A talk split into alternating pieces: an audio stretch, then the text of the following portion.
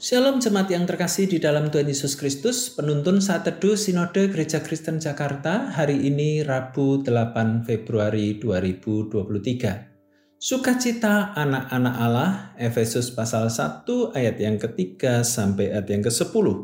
Terpujilah Allah dan Bapa Tuhan kita Yesus Kristus yang dalam Kristus telah mengaruniakan kepada kita segala berkat rohani di dalam surga Sebab di dalam Dia Allah telah memilih kita sebelum dunia dijadikan, supaya kita kudus dan tak bercacat di hadapannya.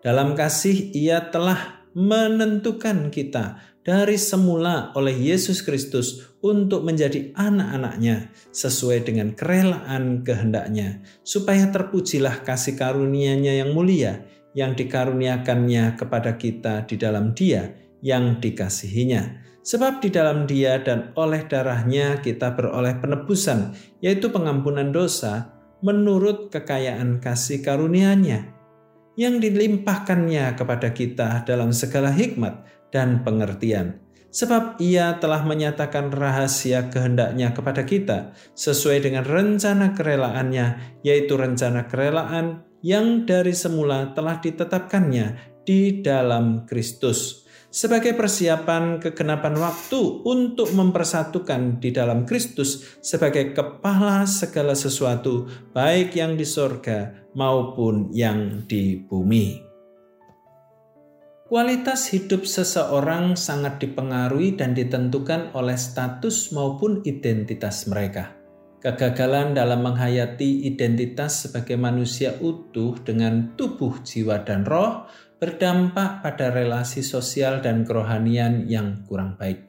Banyak suku, bangsa, agama, maupun budaya berusaha memperkuat identitas mereka dengan berbagai atribut seperti marga, simbol-simbol keagamaan, dan berbagai tradisi yang dianggap baik. Tujuannya adalah untuk merepresentasikan keunikan mereka, Kekristenan juga memiliki berbagai identitas maupun atribut yang merepresentasikannya, contohnya salib. Namun atribut itu bisa disalahgunakan apabila gagal menghayati dan memaknainya dengan tepat. Istilah anak-anak Allah merupakan suatu identitas sekaligus status yang dimiliki orang Kristen.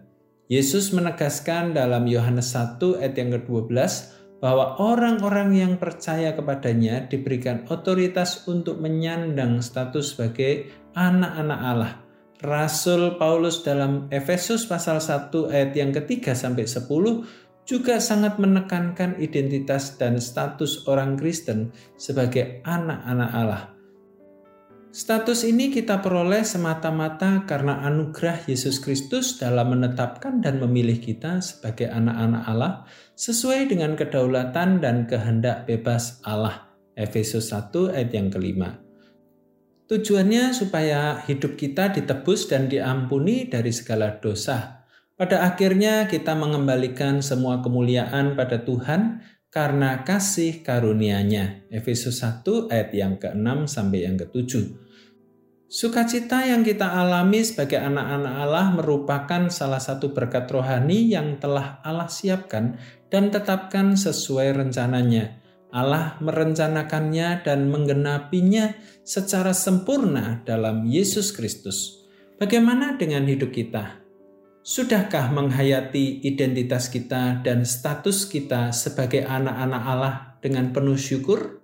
Kita bisa memiliki fondasi identitas dan status yang terkuat hanya karena karya dan anugerah Yesus Kristus.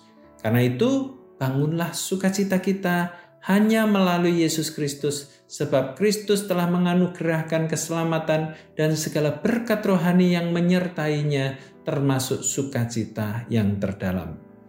Hidup penuh sukacita sebagai anak-anak Allah melalui anugerah Yesus Kristus Selamat beraktivitas, Tuhan Yesus memberkati.